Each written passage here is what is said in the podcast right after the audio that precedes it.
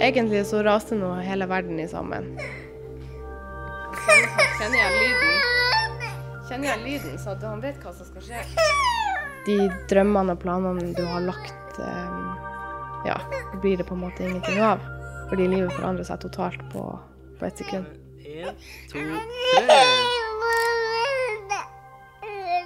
Du hører Sykehuset, en podkast fra Universitetssykehuset Nord-Norge.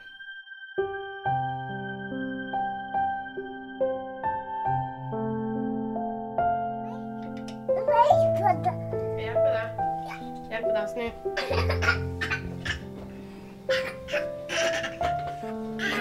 Da går du.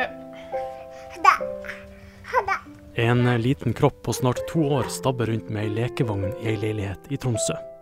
Den lille gutten kjenner leiligheta ut og inn, sjøl om han aldri har sett den. Theo Storell Theodorsen er nemlig født blind.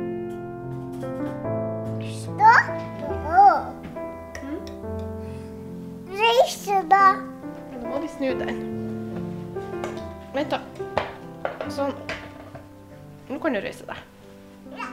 Ja, må du ta på håndtaket. Men mangelen på syn er bare én av mange komplikasjoner mamma Karoline Storelv Hansen og pappa Daniel Theodorsen må forholde seg til. Komplikasjoner de ikke var forberedt på da han Theo kom til verden en sommerdag i 2017. Eh, Før han ble født, så visste vi egentlig ingenting. Vi visste at det var en gutt, og alt så normalt ut. Det var det vi fikk beskjed om på alt av ultralyder og så videre. Sånn at vi har jo sett for oss at det ble et helt normalt liv, egentlig. Okay, Ingen mistanke om at noe skulle, skulle være galt. Nei, ikke, ikke i svangerskapet eller like etter fødselen heller. 16.07.2017 ble han Theo født. En tilsynelatende frisk og rask gutt, og de nybakte foreldrene i midten av 20-årene de gleda seg over at to var blitt tre. Men etter kort tid oppdaga de at ikke alt var som det skulle være. Eh, allerede ganske tidlig, eh, sånn rundt eh, tre-fire uker, så kunne man jo se på øynene hans at, eh, eh, at det var noe som ikke var normalt. Vi hadde flere vennepar som hadde barn på ja, ca. samme alder, og de ungene så eh, Eller han så veldig annerledes ut i forhold til dem. Eh, og eh, det var flere i, i min familie som kommenterte det når han var rundt eh, fem uker gammel, at, at det er noe galt med øynene hans. Og da hadde vi allerede prata om det i lag, men eh, jeg for min del ble jo veldig sint av at andre sa det, fordi at jeg ville ikke innrømme det overfor meg sjøl at, at det er noe galt med, med ungen min. Men tegnene ble mer og mer tydelige. Noe var galt med øynene til lille Theo. Og mamma Karoline og pappa Daniel tok det her opp på helsekontrollene. På tremånederskontrollen ble det slått alarm, og han Theo ble hastehenvist til Universitetssykehuset Nord-Norge. Og der ble det da gjort en undersøkelse når han var Ja, det var vel en uke etter vi hadde vært på helsestasjonen, cirka. Eh, der han først fikk eh, diagnosen på øynene, da. Eh, papillehypoplasi. Som vil si at han er, er blind, da. Da fikk dere vite at han var blind. Hvordan var det for dere? Jeg vet ikke om det gikk opp for oss i det hele tatt i starten. Det var eh, Ja, for min del i hvert fall så var jeg litt sånn OK. Ja, nei, OK, greit. Hvis hvis det er sånn livet skal bli, så greit nok. Så jeg tok det jo Jeg tok det jo ikke veldig greit, men vi hadde jo en litt forskjellig Vi takla jo på litt forskjellig måte. Hvordan var det for deg? Eh, egentlig så raste nå hele verden i sammen. Eh, for det er jo ingen som ønsker at, eh, at barnet ditt skal være blind. Em, vi hadde sett for oss at han enten var veldig nærsynt eller langsynt. Det var det helsestasjonslegen også sa. At antageligvis så er han e- enten eller, da. Så det å da komme dit og få beskjed om at nei, eh, guttungen ser faktisk ingenting, det, det var et hardt slag. Hva, hva så du for deg da? Når man får en sånn beskjed, så går det tusen tanker gjennom hodet. Um, altså, akkurat der og da så tror jeg det var mest sorg, eh, og at man ser eh, mest begrensninger og de drømmene og planene du har lagt eh, Ja, blir det på en måte ingenting av. Fordi livet forandrer seg totalt på, på ett sekund.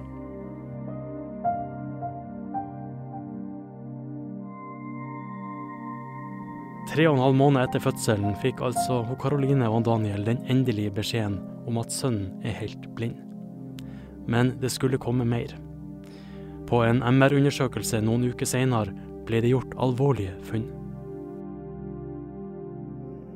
Jeg, husker det også, den telefonsamtalen fra den legen veldig godt. Når jeg fortalte det til Daniel etterpå, så ble han Daniel veldig alvorlig. Og han Daniel er egentlig en veldig rolig og si, litt sånn bedagelig fyr. Eh, men da husker jeg at han Daniel sa at eh, dette her, det er alvorlig. Eh, men da fikk vi da diagnosen to dager etter MR. Septooptisk dysplasi, da. SOD, septooptisk dysplasi, er en medfødt og svært sjelden diagnose. I Norge fødes det i snitt fem unger i året med SOD. Fire av de her fem har syn eller er svaksynt, og kan klare seg godt med briller. Han Theo er altså det ene SOD-tilfellet i året som fødes helt blind. Eh, men det innebærer eh, at ting i hjernen er underutvikla eller eh, manglende. Eh, hos han Theo så betyr det eh, at han har underutvikla synsnerver, som gjør at han er blind. Han mangler en eh, skillevegg i hjernen. Så er hjernebjelken hans bare en tredjedel cirka av så stor den burde være. Som skal ta imot signaler fra høyre og venstre hjernehalvdel, koble dem sammen. Og så har han en hypofysesvikt som gjør at han ikke produserer en del hormoner sjøl. Må få tilført det. Hypofysen er en kjertel i hjernen som lagrer og produserer hormoner kroppen trenger for å fungere. Han Theo mangler både stresshormon, veksthormon og et hormon som styrer væske- og saltbalansen i kroppen. Og mer kan komme etter hvert. Det vet ingen sikkert. Mangelen på stresshormon gjør at han må passes på nøye til enhver tid. Og hver kveld må foreldrene sette ei sprøyte med veksthormon i låret til han Theo. Selv om han ikke kan se at pappa Daniel leter fram sprøyta, kjenner han igjen lyden av luka i kjøleskapet der veksthormonet oppbevares. Og da reagerer han umiddelbart. Kjenner jeg lyden, Kjenner jeg lyden så han vet hva som skal skje.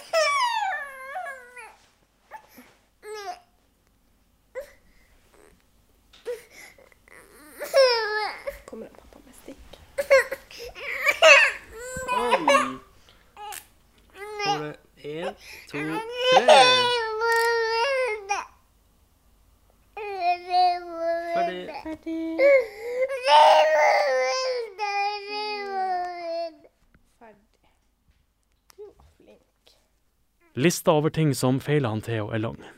Mangelen på skillevegg i den fremste delen av hjernens hulrom og en underutvikla hjernebjelke vil kunne føre til ei forsinka motorisk utvikling, spesielt når det kommer til ferdigheter som krever koordinasjon av høyre og venstre hånd og fot.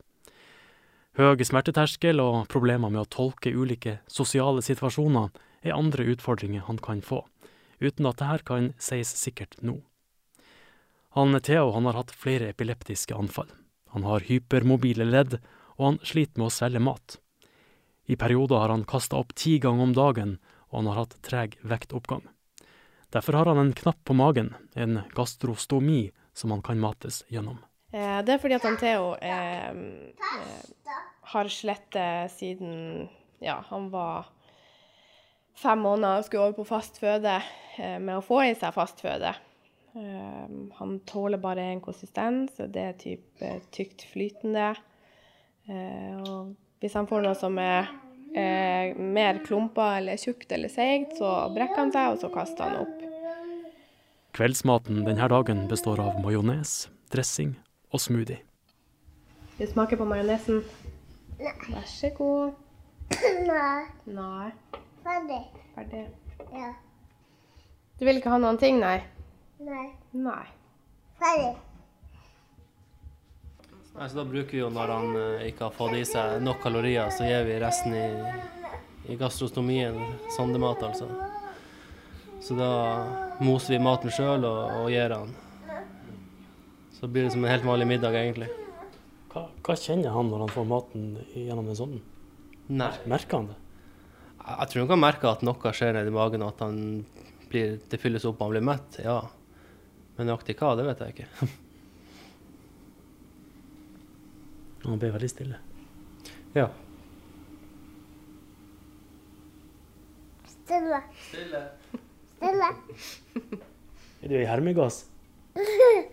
Hermegass. Hermegass. Er du i hermegass? Ja. Hermegass. Fortell litt hvordan dere eh, kommuniserer med han ettersom han ikke ser noe. Vi bruker mest språk. Eh, samtidig som vi bruker hendene til å ta og føle og kjenne eh, for å forklare han ting, da. Um, det blir jo vanskelig når man plutselig mister en sans som for oss er helt naturlig, fordi vi, vi ser jo alt. Eh, men vi bruker mye språk, og det er jo det er også en, en av grunnene til at han er så flink å prate. Det er jo fordi at han, han, han har jo en sinnssykt bra utvikla hørsel. Uh, og vi gjentar jo alltid det han sier for å bekrefte han. Og, ja, jeg tror primært så bruker vi, vi språk, da.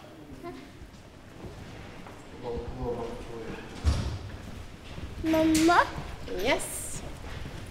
Mamma, mamma kjenner tur. Ja, vi triller tur. Det har gått noen uker siden jeg møtte han Theo og foreldrene første gang. Nå er den lille familien på vei inn på Universitetssykehuset Nord-Norge i Tromsø for å teste ut en ny medisin. I lang tid har nemlig han Theo drukket og tissa veldig masse. Den nye medisinen skal erstatte Theos mangel på hormoner som styrer væskebalansen. Og hvis den fungerer etter planen, så skal han i større grad greie å beholde væska i kroppen, sånn at han ikke blir så tørst. Og når han drikker mindre, så blir forhåpentligvis også sultfølelsen større.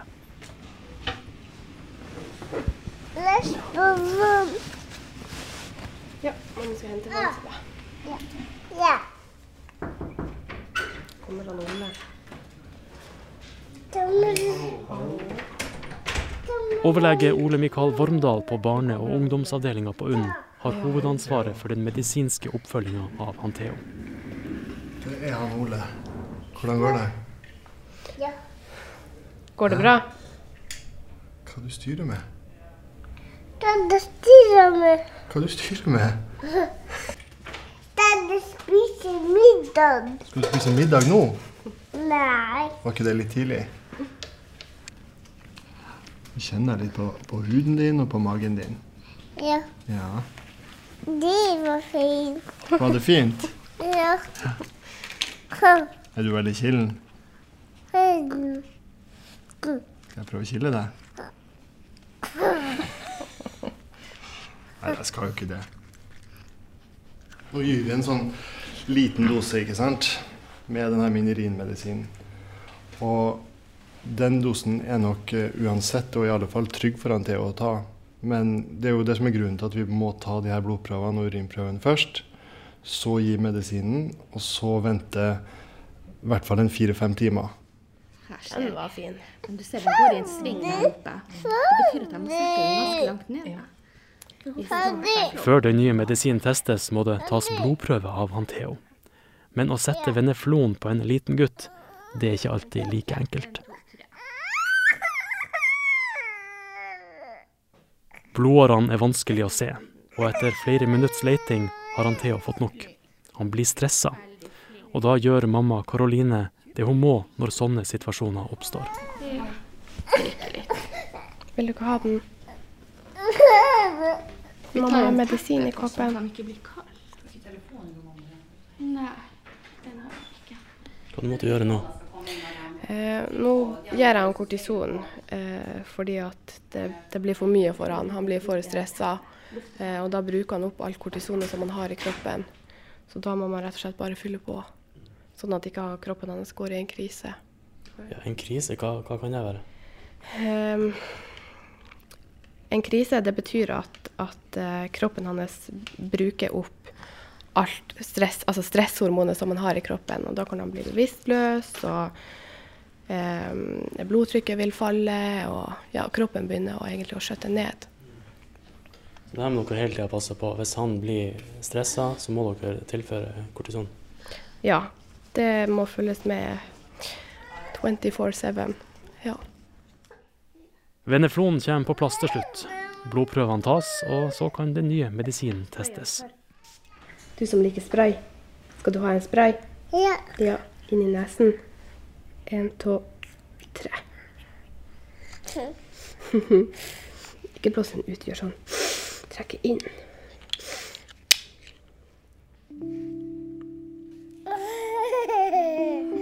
Har du tenkt mye på at det her er urettferdig, eller hva, hva har du tenkt rundt at dere har fått en sønn som dere trodde var helt frisk, men som ikke er det? I starten syns jeg det var veldig, veldig urettferdig. Um, man har på en måte trukket et uh, et lodd som som ikke mange trekker, altså siden sykdommen er så sjelden. Um, så jeg syns at det var veldig urettferdig. Uh, og det gjorde nok noe med mine følelser. Jeg klarte ikke å akseptere det i starten. Klarte ikke, ikke å akseptere at det er sånn livet kommer til å bli fremover, og det skal være sånn for alltid. Så ja, helt, helt til man sjøl går i grava, så skal det være sånn. Uh, man kommer ikke til å få synet tilbake, og hypofysen kommer aldri til å bli normal igjen. Uh, så jeg sletter veldig med å akseptere det. Men det er som Daniel har sagt, man blir vant til å leve den hverdagen som man lever i. Man er på en måte i en sånn lita boble. Um, og da, da, gjør det det på en måte litt lettere å, å akseptere det. Og så er det mange andre som er i samme situasjon som oss. Kanskje ikke samme diagnose, men har barn som er syke. Um, og da syntes jeg det var litt feil av meg å synes at det er urettferdig at vi har fått et sykt barn, for det er ikke bare vi som får det. Men når man står i det, så føler man seg fryktelig alene. Den dagen vi fikk diagnosen, så sa barnelagen til meg, eller til oss, at eh, nå er dere ikke bare foreldre lenger, nå er dere advokater også. Eh, og det hadde han helt rett i. Det er ja, kamper som egentlig burde vært helt unødvendig å ta, fordi at det står svart på hvitt at du f.eks. har krav på, på hjelp, da. Eh, men så er det alltid en eller annen paragraf som slår i hjel det. Mm. Så det er ekstra belastning oppi det hele? Ja. Um, 100 det, det er ikke holdt på å si, han Theo som gjør meg mest sliten, det er systemet rundt. Det er fryktelig tungrodd av og til. Så det, det, tar mye For det første tar det mye tid, og så tappes man for energi. Hun, Karoline og Daniel jobber begge som ambulansefagarbeidere i Tromsø. Turnusarbeid kombinert med et barn som trenger ekstra oppfølging, krever sitt. Og for Karoline sin del så har jobben endra seg etter at han Theo kom til verden. Det har alltid vært eh, det verste med jobben å hente barn, eh, helt siden jeg starta i ambulansetjenesten. Eh, men eh, nå syns jeg det er, er enda verre, da. Um, syke barn er jo Det skal ikke være sånn. Ungene skal ikke være syke. De skal være i barnehagen og leke og, og sånt. da. Men har også fått et, et, større øye for pårørende. Det har jo alltid vært jobben vår det å ta vare på pårørende, men kan i større grad sette meg inn i ja, hva de føler og hvilken krise de er i da. Det er jo um, ja, Når man har kjent det på kroppen sjøl, så har man, har man en, en mulighet til å sette seg mer inn i det. da. Da jeg møtte han Theo første gang for en måned siden, så gikk han og holdt seg fast i ei gåvogn. Nå får jeg være med mamma Karoline til barnehagen, der han Theo skal vise hva han nå har lært seg. Ja, han har gått med å holde i handa og holde i vogna, eller holde seg fast i, i et eller annet. Det har gått langs sofaen og langs bord og sånne ting. Og så plutselig så slapp han seg med å gå bare med stokken, og fem minutter etter det så slapp han seg helt. Og så har siden da gått helt alene. Men hvordan skal vi finne jo mamma? Da må vi gå rundt sofaen her. På denne sida. Her borte, mamma. Nå går det feil vei. Det andre veien. Ja, denne veien så må vi gå rundt sofaen. Her. Hvordan var det å se at han begynte å gå alene? Det var helt magisk. Eh, det var eh, tårer og Ja. Det var veldig fint. En milepæl. Ja, absolutt. Må du skyve ballen? Den er foran deg. Skyv. Kom igjen. Du dytta den rett på Anneli. I barnehagen har han Theo hatt jevnlige møter med spesialfysioterapeut Anneli Malm. Hun har hjulpet han med utviklinga av de motoriske egenskapene.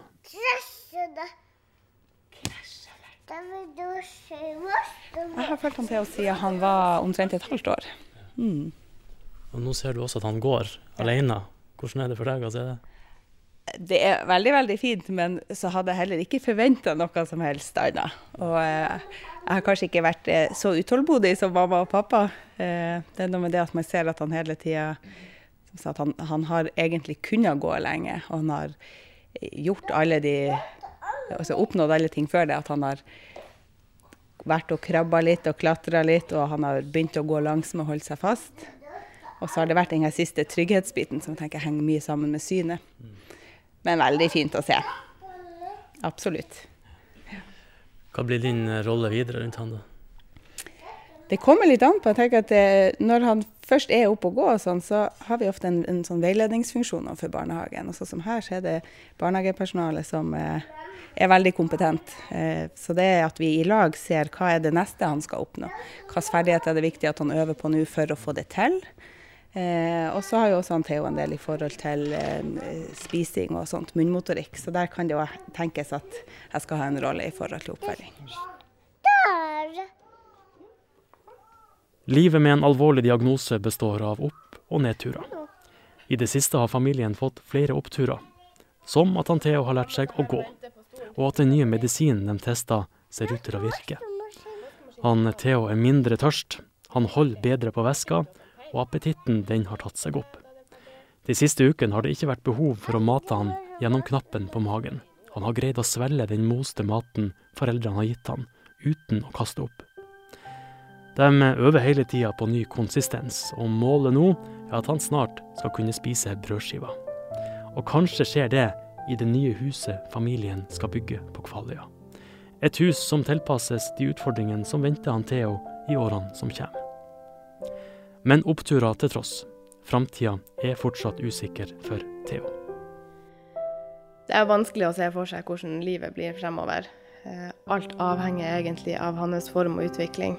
Eh, Det er jo masse usikkerhetsmomenter rundt diagnosen. Han kan bli rullestolbruker og sengeliggende, eller han kan fungere helt fint motorisk. Og, så for min del så tør jeg ikke å se så veldig langt frem i tid. Eh, Jeg er mer på det stadiet at jeg tar en dag om gangen, og så, så ser vi hvor Eller tråkker stien mens vi går, rett og slett. Men eh, jeg vet ikke, jeg er i hvert fall en person som liker å se positivt på ting og, og tenke at det går fint og, og de her tingene. Eh, Sånn at jeg gleder meg egentlig bare til han blir større, og det sa jeg også når han var ganske liten og bare lå på gulvet og, og smilte.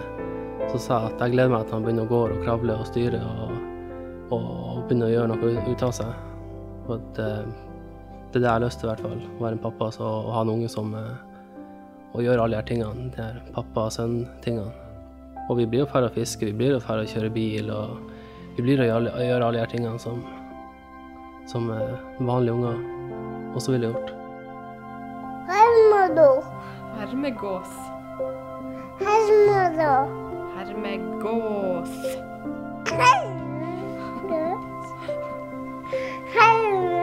Hermado. Hermado. Hermado.